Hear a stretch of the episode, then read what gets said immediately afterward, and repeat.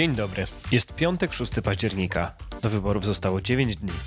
Ja nazywam się Ryszard Dłuczyn i zapraszam na specjalne wydanie podcastu Polityki Insight, w którym nasi analitycy i ekspertki opowiadają o kluczowych wydarzeniach trwającej kampanii. W dzisiejszym codzienniku wyborczym rozmawiam z socjologiem Mikołajem Czesinkiem, członkiem zarządu Fundacji Batorego i dyrektorem Instytutu Nauk Społecznych SWPS o frekwencji wyborczej i akcjach, które mają ją zwiększyć.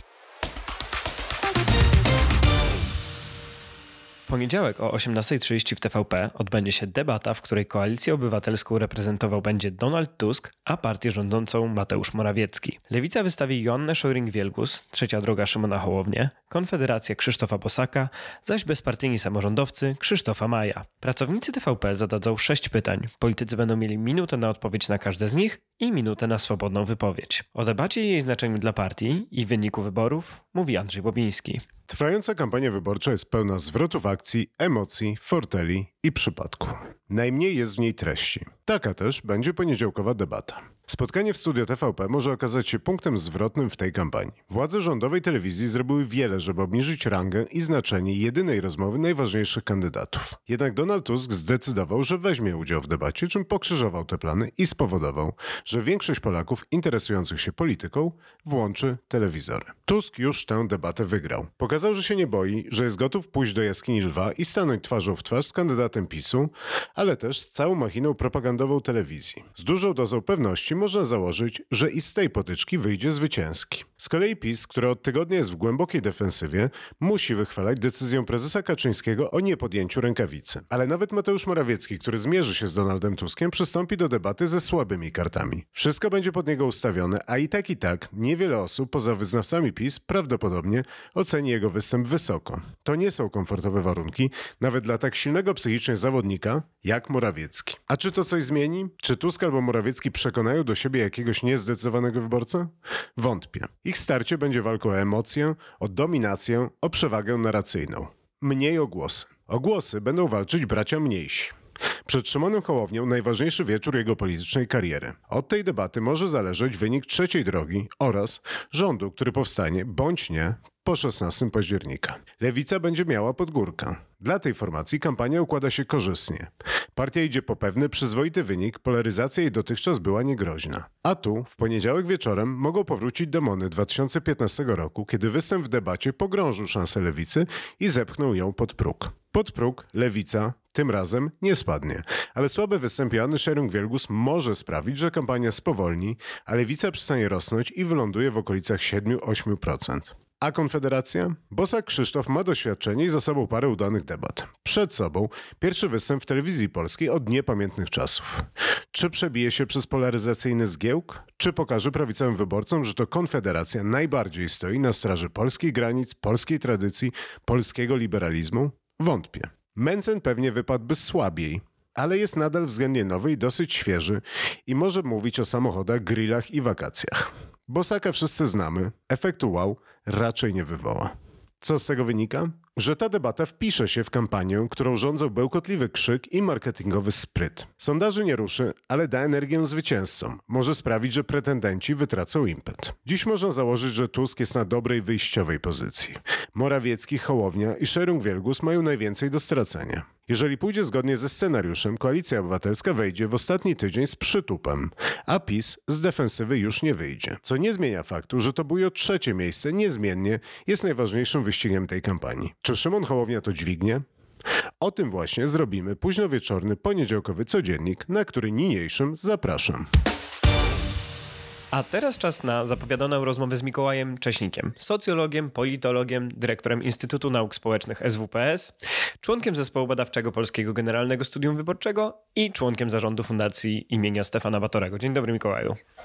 Cześć, witam. Witam też e, serdecznie słuchaczki i słuchaczy. A porozmawiamy dzisiaj o frekwencji, tym co o niej wiemy, czego nie wiemy e, i co kto robi, żeby była jak najwyższa, a przynajmniej w tych grupach, e, które mm, go interesują.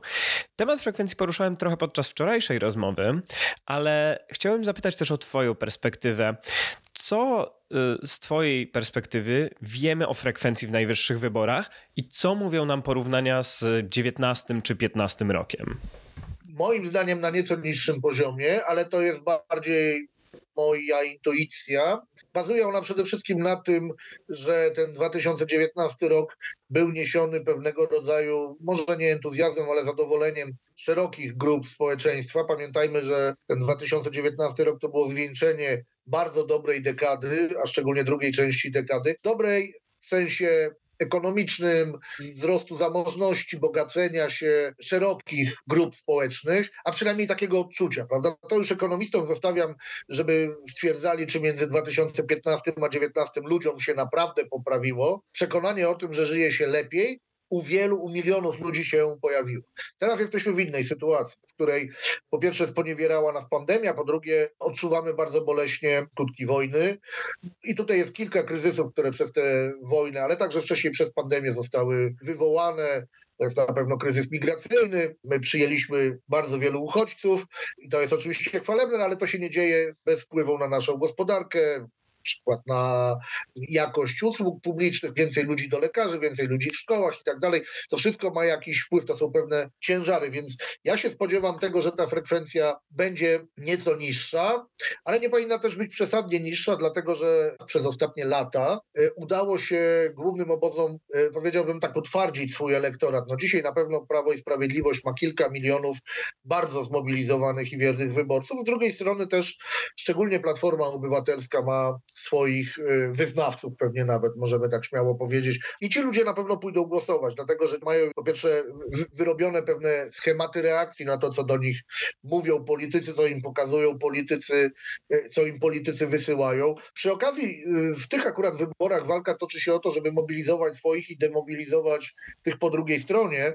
Ale zanim przejdziemy do kolejnych pytań, chciałem podpytać Cię, dlaczego te kryzysy i wzrost niezadowolenia, o którym wspomniałeś, jest czynnikiem obniżającym frekwencję, a nie na przykład podwyższającym frekwencję wśród grup, które czują się niezadowolone i chciałyby w sposób e, wyborczy zaprotestować? E, generalnie negatywna emocja jest bardzo silną determinantą e, głosowania, natomiast ta negatywna emocja u osób, które są już zmobilizowane, to ona jest zagospodarowana. Oni nienawidzą Kaczyńskiego albo Tuska. I to jest ten główny motor, to jest to, co ich napędza. Natomiast y, musimy pamiętać, że ta polaryzacja, mówimy często, polskie społeczeństwo jest spolaryzowane. Ono jest spolaryzowane, ale w części. To jest kilkanaście milionów ludzi. No drugie kilkanaście nie jest spolaryzowane. Drugie y, kilkanaście nie rzuca się sobie do oczu z powodu Tuska i Kaczyńskiego. U tych mniej upolitycznionych czy spolityzowanych obywatelek i obywateli, to wszystko, co frustruje, co jest ciężkie, te kryzysy, no to one raczej nie mobilizują, tylko powodują demobilizację. Jest jeszcze jedna rzecz, o której warto powiedzieć, no to jest ogromna energia społeczna roku jesieni 2020. Ta ogromna energia właściwie nie znalazła ujścia. Ona w tych osobach prawdopodobnie zadziałała do wewnątrz i właśnie zamieniały się we frustrację, w apatię, nie mobilizowały. Więc generalnie y, to, to wszystko ciężkie, co się dzieje wokół nas, frekwencji nie podwyższa, tylko raczej ją obniża. Gdyby te wybory się odbywały w 2020, to tamten gniew pewnie byłby takim czynnikiem silnie mobilizującym. Dzisiaj po trzech latach ten gniew przekształcił się już w inną emocję, która raczej osłabia, która powoduje, że noga, jak to mówią w lekkiej atletyce, nie podaje, tylko raczej właśnie skłania człowieka do tego, żeby gdzieś tam się zamknąć, uciec, y, nie angażować się. Chciałem podpytać o te właśnie różne grupy społeczne, o to, co wiemy o ich mobilizacji. Bo y, jak się patrzy na y, exit poll z wyborów 2019 y, roku, no to widzieliśmy, że zgodnie z taką dość tradycyjną mądrością, najmłodsi wyborcy głosowali najrzadziej, że, mm, ale też, że nie było wyraźnych różnic między płciami na przykład. To co wiemy w tym momencie, które grupy są bardziej zmobilizowane, które mniej? To, co ja wiem na podstawie różnych badań, do których mam dostęp, o których też y, słyszę, bo różni badacze, badaczki o nich opowiadają, co wiemy? Y, rośnie mobilizacja, to akurat widać wśród y, kobiet, szczególnie tych młodszych, bo do nich kierowane są kampanie liczne. Z drugiej strony, no oczywiście istnieją bardzo silne takie impulsy wysyłane ze strony Prawa i Sprawiedliwości, które są kierowane przede wszystkim do osób 60+. Plus. Trzeba pamiętać o tym, że to jest grupa, która jest silnie sfeminizowana, ponieważ polskie społeczeństwo e, ma wiek życia mężczyzny i kobiety różny. Mężczyźni żyją po prostu krócej. W związku z tym w grupie 60 plus ta nadwyżka kobiet jest e, dosyć zdecydowana. Komunikatu też, który jest wysyłany dokładnie do tych ludzi, jest bardzo, bardzo dużo.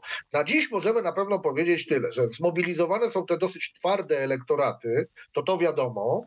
E, mimo tych e, sprzecznych działań, e, to znaczy PiS próbuje mobilizować swoich i jednocześnie demobilizować obcych, ale ze względu na takie okopanie się tych dwóch plemion w swoich bańkach informacyjnych, w trudniejszej sytuacji jest PiS, dlatego że wyborcy opozycji demokratycznej są mało pluralistyczni, jeśli chodzi o media. Znaczy oni nie korzystają prawie w ogóle z tych mediów e, rządowych. W drugą stronę to nie działa. To wiemy z badań Michała Bilewicza, że akurat wyborcy Prawa i Sprawiedliwości są dosyć pluralistyczni. Jedni mogą powiedzieć, że to znak ich mądrości i tak dalej. No ktoś bardziej cyniczny może powiedzieć, że to jest kwestia tego, że po prostu chcą się dowiedzieć, jak naprawdę sprawy się mają. Ale faktem jest, że oni są, częściej są narażeni na dysonans poznawczy niż wyborcy powiedzmy Platformy, Platformy Obywatelskiej. Co jeszcze bardzo ważne? Ważne jest też to, że takim bardzo silną determinantą głosowania jest też nasza historia, nasza własna, osobista historia wyborcza. Oddanie głosu kiedyś na Kaczyńskiego albo Tuska jest czymś bardzo istotnym i do tego partie na różne sposoby, często także w taki bardziej subtelny sposób się odwołują. Raz nam zaufałeś, zaufaj nam raz jeszcze. Natomiast jeśli chodzi o to, o co pytałeś głównie, czyli o taki opis socjodemograficzny, on się bardzo nie zmienia. To, co ja tutaj obserwuję, to jest to wyraźne narastanie tego napięcia po linii wieku, to znaczy tego konfliktu wiekowego właśnie, czyli z jednej strony mamy e, osoby starsze, które głosują na Prawo i Sprawiedliwość, które to Prawo i Sprawiedliwość chce dużego państwa i to takiego często ingerującego. No a z drugiej strony mamy osoby młodsze, czyli osoby w średnim wieku i głównie młodych, no do których ta wizja Prawa i Sprawiedliwości w ogóle nie dociera, dlatego że oni są zupełnie innego państwa. Ta opieka często oznacza także jakieś ograniczenia wolności. Równość i opieka czasami jest na kolizyjnym kursie z wolnością. Jak ktoś ma 22 lata, no to jemu niepotrzebna opieka. On tę opiekę z siebie rzuca, prawda, bo ona go irytuje, denerwuje go. Szczególnie, że ona jest często dziaderska. Ona jest dziaderska w tym sensie, że y, ci ludzie, którzy mówią do tych młodych ludzi, no nie znają ich języka, nie znają ich kodów kulturowych, skryptów i tak dalej. No w ogóle masy rzeczy nie rozumieją. W związku z tym to wychodzi A nieefektywnie, B często z tego jest beka, no bo to jest po prostu cringe. Zarysowaliśmy sobie, myślę, całkiem nieźle kontekst do rozmowy o tym, kto jak działa na rzecz mobilizacji konkretnych grup społecznych. Powiedziałeś o tym, że PiS bardzo stara się mobilizować te grupy starsze. To spójrzmy teraz na to, co się dzieje po stronie społeczeństwa obywatelskiego. Mówiłeś o wielu akcjach profrekwencyjnych skierowanych do kobiet. Są też akcje na rzecz y, partycypacji młodych w wyborach. E, Fundacja Batorego, w której, jak wspomniałem, jesteś członkiem zarządu, włączyła się w akcję profrekwencyjną To Twój Wybór, w której mówi się między innymi o klauzuli sumienia, o tym, żeby była Polska, silna Polska w Europie, o psychiatrii dziecięcej. Spójrzmy proszę wspólnie na ten rynek kampanii profrekwencyjnych. Co tam widzimy po tej stronie społecznej? No z jednej strony widzimy to, co zawsze, czyli e, takie, nie chcę powiedzieć, że problemy z przekroczeniem własnych ograniczeń wynikających z siedzenia w pewnej bańce, ale na pewno widzimy to, co y, jest y, no, charakterystyczne dla działaczy społeczeństwa obywatelskiego, którzy rozglądają się wokół i widzą, gdzie mogą zmobilizować. To są głównie ludzie młodsi, często kobiety, bo dla młodych mężczyzn dzisiaj trudniej mieć ofertę, dlatego że młodzi mężczyźni z jednej strony są y, spadkobiercami patriarchatu, ale powiedzmy sobie jasno, młodych mężczyzn również patriarchat krzywdzi. Oczywiście, że tak. Tak, to prawda, tylko o ile mówienie do młodej kobiety w patriarchalnym społeczeństwie jest względnie proste, jeśli ktoś ma progresywne i takie rewizjonistyczne względem tego patriarchatu e, poglądy, to mówienie do młodego mężczyzny jest, wymaga większej subtelności, jakiegoś wysublimowania. Z jednej strony obserwuję pewną ciągłość, bym powiedział, ale z drugiej strony, co mi się wydaje dosyć ciekawe, to jest e, zdanie sobie sprawy z tego, że istnieje świat poza Warszawą i Krakowem. Nie da się nie zauważać tego, że prawa kobiet to są nie tylko prawa młodych dziewczyn w Warszawie, Krakowie czy Trójmieście, ale też to są e, prawa kobiet 70+, plus, gdzieś tam e, koło Suwałk albo w Kotlinie. I, I to poszerzenie się, powiedziałbym, tej palety haseł, celów, także taka pluralizacja wartości, bym powiedział, to wydaje mi się dosyć ważne. I tu nawet widzę pewien postęp jednak, bo dla mnie, jako dla demokraty i osoby, która wierzy w pluralizm, jest jakoś, powiedziałbym, nawet godne pochwały, że widzę zmianę w stosunku na przykład do 2020 roku. Teraz po tej stronie mm, mobilizacyjnej, gdzie mobilizuje się głównie kobiety, jednak najsilniejsze i najwięcej jest tych akcji skierowanych do kobiet. To jest na przykład e, ta akcja inicjatywy Wschód, spot, który próbuje budować na tym gniewie, na tych negatywnych emocjach. On też jest bardzo mocny, prawda? On jest taki bardzo w istocie równościowy, on pokazuje mm, problemy, które mamy, które trochę wykraczają poza to, co w roku 2020. Ta agenda kobieca jest dzisiaj dużo szersza. Mężczyźni w średnim wieku starsi zaczynają sobie zdawać sprawę z tego po prostu, że tu y, bez takiej fundamentalnej zmiany i zmiany w ogóle porządku społecznego to się tak dalej nie da. Doświadczymy anomii i rozpadniemy się jako społeczeństwo. Nie zaraz po wyborach, nie za rok, nie za trzy, ale zaczyna być coraz bardziej widoczne to, że jeśli nie ruszymy się, tak, wszyscy jako społeczeństwo, to to będzie brzemienne w konsekwencji.